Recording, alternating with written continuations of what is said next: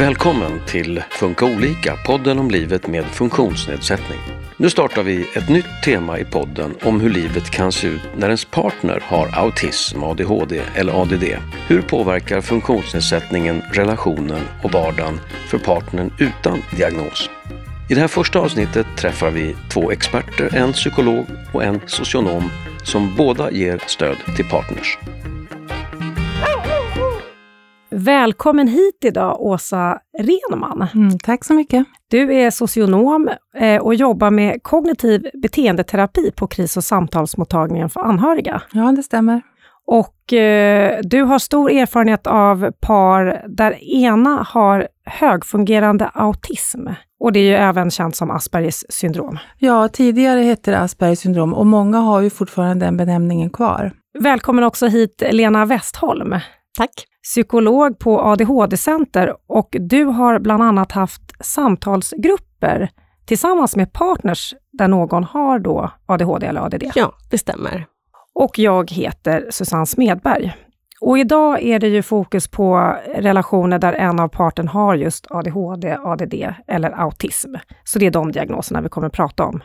Hur mår de partners som ni träffar? Frågar jag dig först Åsa. Eh, många partners kan ju komma när, i en frustration eh, därför att man har levt ihop och sen så försöker man komma vidare i sitt förhållande och sen så är det vissa saker som inte förändras och så vet man inte riktigt vad det är. Och så blir det en frustration.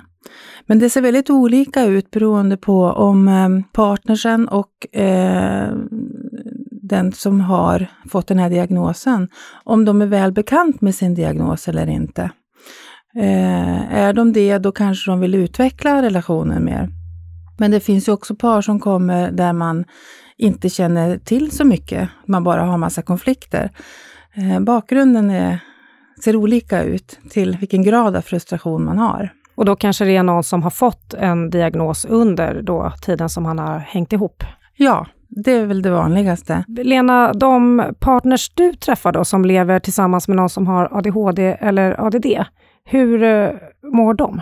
Jag skulle stämma in i precis det Åsa säger, att det ser väldigt olika ut och har man lärt sig mycket om diagnosen, att partnern har läst på och kanske den person då som har diagnosen själv även har tränat på att förklara vad som är utmanande, så är det ju mycket lättare. Men trots det så vet man ju att personer med olika former av ADHD kan ha svårt att ändra sitt beteende trots att man vet vad som är utmanande. Till exempel att man har häftigt humör, det är det här med känsloregleringen som kan ställa till det. Så man behöver fortsatt jobba med utmaningarna i relationen. Är partners då till de som eh, har diagnos, är det här en, en grupp som glöms bort? Ja, det skulle jag vilja säga, att man pratar inte så ofta om partners. Och även om det är så att man börjar prata om partnern är det väldigt lätt att man glider över till ADHD och personen med eh, diagnos. Ja, jag kan instämma, men eh, alltså det är ju inte så mycket skrivet om det, man pratar inte så mycket om det i media. Och det är ju samma sak med syskonskap eller mor och farföräldrar som, som är inblandade. Så, och då kan man många gånger uppleva sig som eh, bortglömd eller att andra inte förstår vad man är i för någonting. I, i de flesta relationer så har man ju saker som är kämpiga. Vad är det som blir extra tufft när en av parterna har då någon av diagnoserna autism, ADHD eller ADD? Eh, en sak som ställer till det mycket, det är att många som har någon form av ADHD har även det man kallar exekutiva svårigheter. Alltså man har svårt att organisera och planera. Man kanske har låg motivation att göra något som är tråkigt, så man tappar energin. Och det är lätt då att partnern utan diagnos får göra det här lite tråkigare. Man blir den tråkiga i partnern eller i, förlåt, i relationen. Och eh, det kan vara en väldigt otacksam roll. Är det samma eh, upplevelse för personer som lever med någon med autism? Ja, men vi har alla våra utmaningar i förhållanden. Det är ju, det är ju ett samspel som man, som man har och eh, vi har alla förmågor och oförmågor som vi brottas med och så försöker man hitta en gemenskap och ett bra samspel. Det som kan vara extra svårt när man har en partner som har ASD, det är ju att eh, det kan vara svårt om man känner till vad det är för någonting, eh, ASD och är påläst, så kan det ändå vara svårt att identifiera det i vardagen. Man, man bland, kan blanda ihop det, vad är förmåga och oförmåga? Och, och vad är att den andra är lat eller eh, inte bryr sig om mig eh, eller så. Så det finns många källor till att det kan bli konflikter som kan ha med funktionsvariationerna att göra. Hur ser eh, statistiken ut när det gäller separationer i den här typen av eh, partnerskap? Lena? Ja, när, när det gäller då personer med ADHD, då har man sett att det är betydligt fler skilsmässor. Och det ser även olika ut när det gäller könen. Att det är vanligare att män som är tillsammans med en kvinna med ADHD lämnar kvinnan än tvärtom. Och det kanske har med könsrollerna att göra, det, det vet man inte riktigt. Men det är förhöjd risk för skilsmässor. Finns det någon liknande sån statistik när det handlar om eh, autismdiagnosen? Um, ja, alltså jag har svårt att svara på det eftersom det är fler män som blir diagnostiserade än kvinnor. Så finns det ett stort mörkertal. Uh, så det är svårt att svara på, men det är klart att det är en, eh, en ökad risk oavsett vilket kön man har. Uh, om jag fortsätter med dig då, Åsa. Du träffar ju personer med autism och deras närstående. På vilket sätt Eh, påverkas relationen av att en har autism? Ja, för det första vill jag säga att man kan ha mer eller mindre svårigheter, mer eller mindre eh, funktionsvariationer. Så det ser ju olika ut naturligtvis. Men eh, det är ju de här eh, missförstånden som, som kan prägla eh, förhållandet och det är då det blir svårt och att det kan leda till att man får en oförståelse för varandra. Och då kan det vara svårt att hitta tillbaka och förklara för varandra vad det är man tänker eller känner eller vad det är man önskar. Så när man fungerar så där eh, olika, då kan det vara bra då är det väldigt bra att ha mycket kunskap om autism, så man vet vad som är vad. Har man de här svårigheterna så har man dem. Och då kan det vara att man behöver ha en acceptans för det, att så här ser det ut. Eh, och vad kan vi ändra och vad kan vi inte ändra? Så det är ju någonting att jobba med att förhålla sig till. Vilka områden brukar partnern uppleva som eh, svårast i förhållande till den person som har autismdiagnos? Har eh, den här personen man lever med som har ASD, har man de här funktionssvårigheterna så har man ju problem med ett socialt samspel där man har ett annat sätt att tolka och förstå och processa det man upplever i sinnen och föremål och allting. Man har, kan ha svårt med kommunikationen, man kan ha svårt att ha den andres perspektiv. Eh, man kan ha, ha sina specialintressen och svårt att gå ut utöver det. Och, liksom, eh, och då, det är klart att det här, de här sakerna är svåra för att ofta i ett förhållande så vill man ju man vill ju komma till någon slags samsyn. Eh, man vill om man är ledsen få tröst. Man vill, för man ska bygga ett hus, så vill man göra det tillsammans. Inte att en tänker själv och sen bara presenterar en idé och så vidare. Men vet man båda två om det här, då, då kan man jobba med det. Men det är ju ett arbete som man gör och någonting att förhålla sig till. Att, att så, så här är det.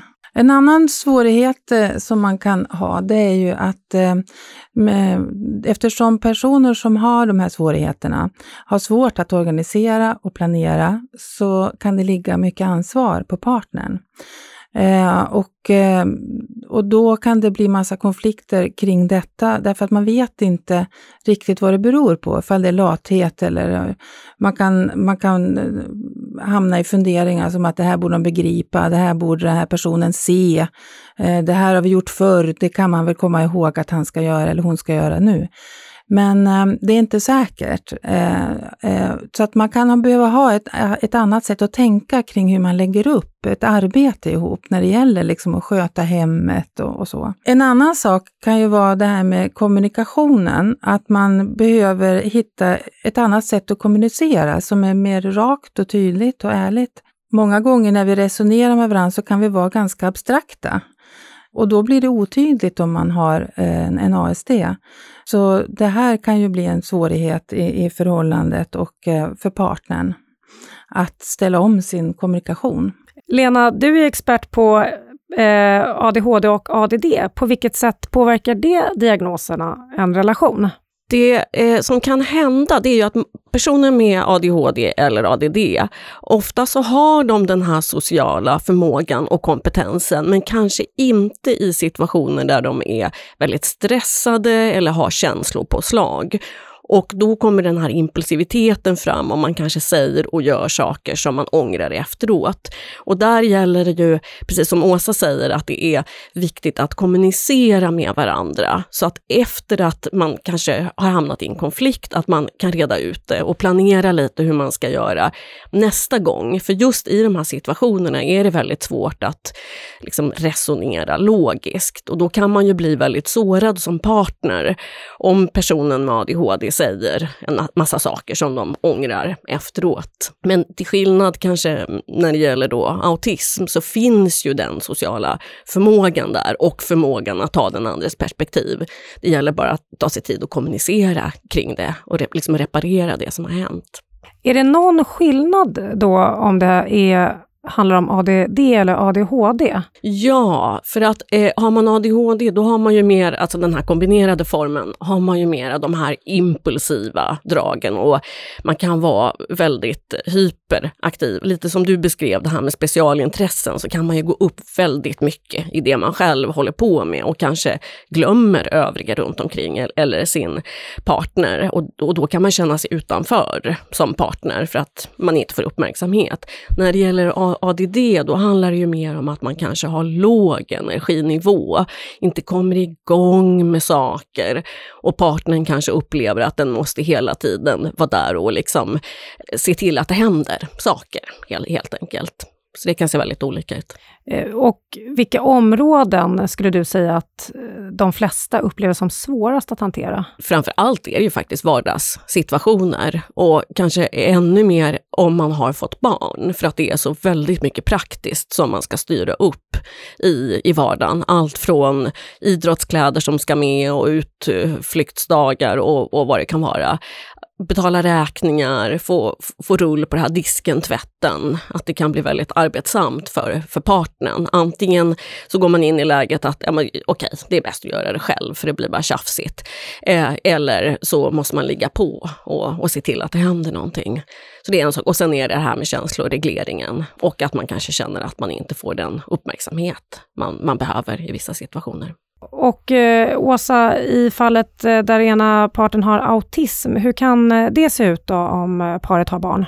Ja, ehm, det är precis på samma sätt. Eh, det är ju mycket av planering och organisation av det här kring barnet som, eh, som hamnar på partnern. Eh, men däremot så är det naturligtvis saker som man kan göra.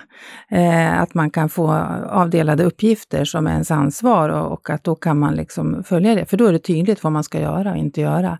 Men när man kommer till det här att man ska tolka in, man ska förstå. Det här, man har ju eh, en variation i det här med samspelet så eh, kan det vara svårare att förstå eh, eh, sitt barn. Att man kan behöva, partnern många gånger försöker förklara liksom, ja men nu behöver barnet det här eller nu, nu behöver vi göra på det här sättet. Barn låter, har man problem med sinnesintryck så kan det vara väldigt eh, besvärligt och påfrestande så att man behöver ha tyst eller gå undan och så vidare. Så att det är klart, men jag vill också säga att eh, en tillgång kan vara, eh, speciellt om man har ett barn som själv har svårigheter, för det är inte ovanligt i, i våra, bland de jag träffar, så kan det vara också en guide för att den här personen, partnern som, som har en ASD, kan vara en guide för hur det är och eh, vad som kan hjälp, vara hjälpsamt och inte hjälpsamt också. Jag kan också lägga till lite sådana fördelar som jag ofta hör. Det är ju att eh, personer med ADHD kan vara väldigt påhittiga och roliga så att de leker jättemycket med sina ungar. Det kanske är lite kaotiskt hemma men de får ett jättefint samspel och drar ut och spelar fotboll eller vad det nu är. Eh, så att de som blir lite lekpartner. Eh, och sen är det ju också så, precis som du säger, det finns ju naturligtvis massor med tillgångar och där kanske man behöver dela upp sysslorna eftersom många med ADHD och ADD är motivationsstyrda. De kanske är fantastiska på att laga mat eller baka eller vad det nu är. Så att man delar upp lite grann också, sysslorna. Om vi eh, stannar kvar lite då på den person som har diagnos. Eh, hur eh, kan den person som har funktionsnedsättning se sina egna svårigheter i förhållande till partnern? Har man förståelse för att det kan vara tufft att leva med en? Det vi ofta hör i de här samtalsgrupperna, det är ju att det är jätteviktigt, precis som du sa Åsa, med kunskap om själva diagnosen, både person, för personen som har diagnosen och partnern. Men även eh, kan ju behandling för eh, ADHD verkligen hjälpa och det kan ju vara olika typer av behandling. Att man träffar en arbetsterapeut till exempel och får olika typer av kognitivt stöd i vardagen. Man lär känna sig själv och kanske sina sårbarheter och utmaningar. Man vet att man kanske reagerar på ett visst sätt när man är stressad eller blir hungrig eller vad det nu är, så att man kan planera sin vardag bättre. Se till att man får vila, kanske innan man hämtar barnen från förskolan eller fritids. Så att det finns mycket som, som man kan göra. Hur bra är folk på att göra det? Jag skulle säga att de är väldigt bra på, på det. De som har kommit så pass långt att de har fått en, en diagnos. För, för det är ju så att eh, behandlingen för ADHD har ju utvecklats väldigt mycket på olika sätt. Bland annat finns det ju läkemedel. Eh, och eh, det, man märker själv att det ger så stor effekt. Många säger att de blir mycket lugnare, de hamnar inte i konflikt på samma sätt med övriga i familjen och det är så mycket värt. Så man har ofta mycket dåligt samvete för saker som har hänt och man vill verkligen förändra eh, tillvaron. Jag tänkte eh, fråga det, känner man skuld inför sin partner för de svårigheter man har? Ja, så, så kan det verkligen vara. Och kanske skuld inför barnen, att man tappar humöret eller att man missar, man glömmer saker eh, som andra föräldrar kan, kanske minns. Så att eh, absolut. Och eh, Åsa, när det gäller personer med autism, hur pass medvetna är de om eventuella svårigheter i förhållande till sin partner? Ja, det ser ju också olika ut naturligtvis beroende på hur väl bekant man är med sina funktionsvariationer. Då. Men eh, visst, det är klart att man, man, eh, man kan förnimma att eh, det är en arbetsbelastning för sin partner, men det kan vara svårt att identifiera vad det är för någonting. Eh, och att det kan väcka en rädsla för att partnern ska gå ifrån en. Eh, så är det absolut. Men så kan det ju vara i alla förhållanden, skulle jag vilja säga. Eh, för vi har alla tillkortakommanden eller oförmågor. Men här kanske det blir ännu mer därför man, man har egenskaper som man inte som inte går att ändra på, utan man har fullt upp med att försöka orientera sig i vad, vad är det jag kan göra för att underlätta. Och, och det är ju inte ovanligt att, att eh, då man har några misslyckanden innan i sociala relationer eftersom man har svårigheter med det sociala samspelet och, och, och med att leva sig in i, i, andra människor. Ja, jag tänkte just det om eh, man kan vara rädd för att gå in i en relation om man då har en funktionsnedsättning som autism. Möter du det hos personer? Ja, det kan jag möta och, och överhuvudtaget i relationer. Eh, att eh, blir det mycket fel genom livet så, så kan man få en oro kring det, att det är obehagligt, att det lätt blir fel. Men jag har ju mött många som eh, har påbörjat en relation igen trots att flera misslyckats innan och är oerhört mån om att försöka få till det och lära. Och det är ju de bästa förutsättningarna. Lena, är det här något du känner igen hos eh, personer med diagnos som du träffar? Att man är rädd att gå in i en relation på grund av att man har ADHD? Nej, eller det man har sett att det är vanligare att man har många, kanske lite kortare relationer. Så snarare att man går in i relationer och sen går ut ur dem igen och försöker lära sig till, till nästa gång. För det är ju också så att eh, många personer med ADHD är väldigt charmiga och roliga och det är lätt att falla för dem, att man blir kär i dem. Så de träffar partners och sen strular det till sig lite. Eh, och eh, ja, som sagt, lite fler relationer, kanske kortare relationer. Vad brukar eh, de önska sig av partnern då för typ av förståelse? Ja, lära sig om eh, diagnosen och kommunicera, precis som du sa också Åsa, att, att ha liksom en tydlig, rak kommunikation. Och kanske inte heller förminska personen med ADHD, för de är ju vuxna personer som alla andra, utan inte ta bort ansvaret och ta över heller, för det är det lätt att det blir också. Så att man ja, kommunicerar om det, delar upp jobbet och och eh, är det någonting som eh, de med autism uttrycker som eh, det här är, vore bra om partnern gjorde för mig, det skulle underlätta i relationen? Ja, till exempel eh, att en tydlighet i kommunikationen, en rak kommunikation. Eh, en rak kommunikation är alltid mycket lättare när man har de här svårigheterna. Och att berätta. Tänk inte att jag borde begripa eller det här skulle jag ha förstått, utan berätta, förklara för mig så jag vet. Ja, vi stannar kvar lite i det här då. Eh, vilka områden är viktiga att jobba med för att få relationen att fungera? Ja, men grunden är ju att man har en villighet, att man vill. Eh, jag träffar ju många par där man verkligen älskar varann. Eh, och eh, jag menar, det är ju det är lätt att man fokuserar på svårigheterna, men det finns ju enormt många tillgångar. Personer som har de här svårigheterna kan ju vara oerhört spännande personer och kunniga personer och raka och ärliga och lojala och men det man kan behöva det är ju eh, att man behöver verkligen en rak kommunikation så, så, att man förstår sammanhangen.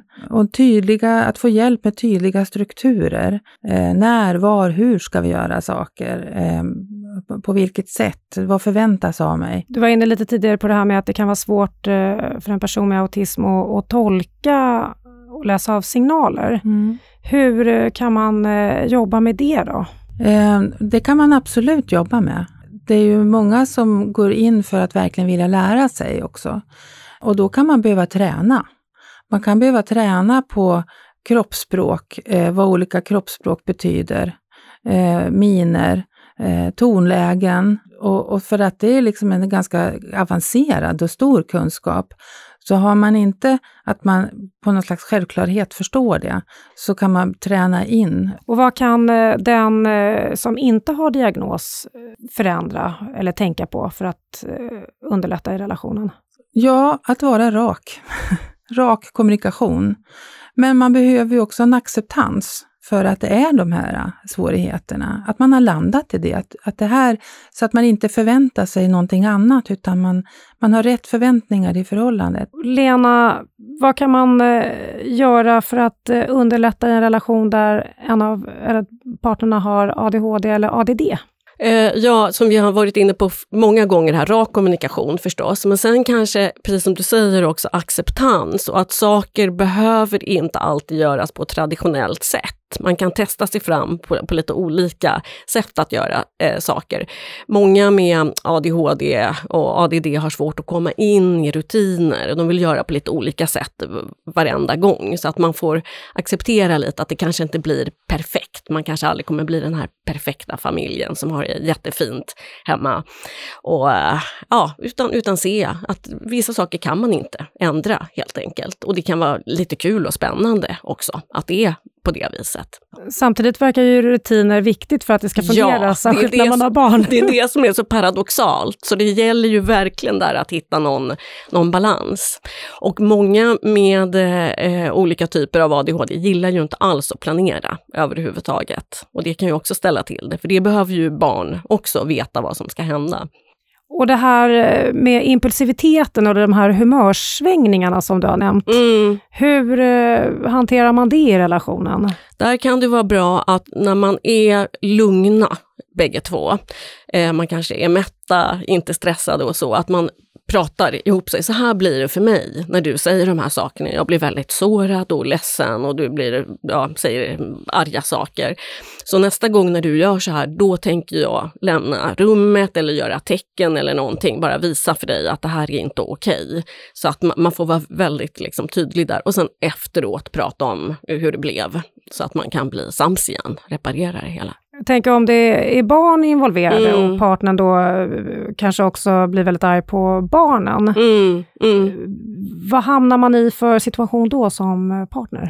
Ja, det är ju lätt att man går in i någon slags medlingsroll, eller man försöker liksom stoppa släppa det, det som händer. Och där behöver man ju också prata ihop sig med partnern. Att när det blir så här, då tänker jag kliva in och säga stopp, det här går inte. Eh, och som jag sa tidigare, att det är, det är ju många som får väldigt dåligt samvete efteråt. Sen är det ju så ärftligt, precis som Åsa var, var inne på också, att det är ju vanligt att minst ett av barnen också har samma diagnos och också är väldigt lättantändliga. Och då kanske man ryker ihop för att man är, är lite lika. Så det gäller att, att, att, prata om det och göra en plan. Går det att minska de här eh, utbrotten? Absolut. Och det handlar ju mycket om att känna igen hela familjens sårbarheter. Så att man inte sticker iväg någonstans, alla är hungriga, trötta, svettiga eller vad det är, utan att man planerar och ja, ser till att man inte utsätter sig för onödigt påfrestande situationer. Eller för länge, att man går hem i tid när man är någonstans. Så man får testa sig fram. Och eh, vi går in på det här med stöd då, Åsa. Vad finns det för stöd för partners som lever i en relation där en har autismdiagnos? Eh, dels så kan man ju komma på samtal hos oss på kris och samtalsmottagningen eh, och även syskon och mor och farföräldrar. Eh, och sen på habiliteringscentrarna så kan man ju också få ett stöd. Eh, Lena, vad finns det för stöd till partners eh, som lever med någon med ADHD eller ADD? Ja, då är det anhörigstöd via kommunen som man kan vända sig till. Sen finns det på många öppenvårdspsykiatriska mottagningar så erbjuder man en psykoedukativ insats som heter Pegasus och där kan man gå tillsammans så att man lär sig tillsammans om ADHD. Och om man blir väldigt utmattad eller känner att man behöver stöd för egen del, då kan man ju vända sig till exempel via vårdcentralen, brukar det finnas också socionomer eller psykologer, så att man kan få några, några stödsamtal. Vad brukar de eh, partners du träffar eh, säga, vilket stöd som har varit viktigast för dem? Dels kan det vara avlastning, helt enkelt att man får eh, stöd antingen från andra runt omkring närstående eller kanske via socialtjänsten. Det finns ju eh, möjlighet att ansöka om boendestödjare när man har ADHD och det, det kan vara att man får några timmar per vecka någon som kommer och hjälper en rent praktiskt att komma igång, betala räkningar, eh, se till att man har rutiner för städning och, och sånt. Eh, sen är många hjälpta av familjerådgivning, att, att man får hjälp att kommunicera, för ibland låser det sig verkligen och då kan man behöva någon utifrån som hjälper en att komma vidare. Lite som ni gör på kris och samtalsmottagningen, men när det gäller ADHD då får man välja sig, vända sig till familjerådgivning. Och vad är viktigt för partnern själv då, för att eh, få energi och orka? Det är återhämtning. Se till att man kan lägga in tider i veckan där man eh, får vila, kanske träna, träffa sina vänner, göra annat utanför liksom, familjen och relationen. Är det viktigt att också inte fokusera på funktionsnedsättningen, så att säga? Absolut, skulle jag vilja säga. För det är en fälla. Det är en av fällorna. Att man förklarar väldigt mycket med diagnoser eh, eller att man eh, har fokus på det. Eh, och det är som i alla relationer, man behöver ha fokus på det som är bra också. Och det som är andra saker och det som är trevligt och, och det man har lust till och det man faktiskt har tyckt om och uppskattat varandra för. Det finns ju också. Att eh, identifiera svårigheterna, det är ju enbart en poäng om det är så att man ska minska konflikter och missförstånd. Eh, vad säger du om det då, Lena? Hur kan man göra för att inte bara fokusera på att en av parterna har ADHD eller ADD? Ja, det är ju identifiera det, de situationer när man har det bra tillsammans och försöka göra det oftare att, att ha bra stunder där man släpper all, allt det här jobbiga och, och gör saker tillsammans. Sen vill jag flika in att det är också vanligt när det gäller ADHD att man söker sig till andra som har liknande svårigheter. Så det är ju en ganska stor grupp där bägge har ADHD, någon form av ADHD. Hur eh, kan utmaningarna i en sån relation se ut då? Ja, det kan ju bli både positivt, man känner igen varandras svårigheter, eh, men det kan ju också ställa till det. För då är det bägge som kanske har svårt med att organisera och planera och har känsloregleringssvårigheter och så. Vi ska strax avsluta här, men eh, eh jag tänkte höra, hur ser forskningen ut på området eh, att vara partner till någon med ADHD, ADD eller autism? Vet du det, Lena? Ja, det, det man har sett det var, eh, som jag nämnde tidigare, att det är vanligare med skilsmässor och att många partners kan känna sig utmattade och ja, missförstådda eller känner att de inte får den uppmärksamheten de, de behöver. Men det behövs ju mera forskning också på området, för det finns inte jättemycket. Ehm, ja, det finns inte jättemycket forskat på det här, ehm, utan det är definitivt ett område som behöver forskas på mer. Men, men eh, när, det gäller relation till att man har ett barn med eh, autism, där finns det ju mycket forskat. Eh, att det är en risk för ökad psykisk ohälsa. Eh, därför att det är, kräver så mycket anpassning av en. Eh, så det, det, det, är väl nära till hands att tänka att det är samma sak eh, i ett sånt här förhållande. Eh, att det kan bli eh, utmattning och eh, kan ställa till så man kan få en ohälsa. Eh, om man inte varse sina behov. Och där säger jag stort tack eh, Åsa Renman, socionom på kris och samtalsmottagningen för anhöriga Stort tack också Lena Westholm, eh, psykolog på ADHD-center. Och båda är ju verksamheter inom habilitering och hälsa som är en del av Region Stockholm. Och tack ni som har lyssnat. Du har lyssnat på Funka olika, en podd från habilitering och hälsa som är en del av Region Stockholm.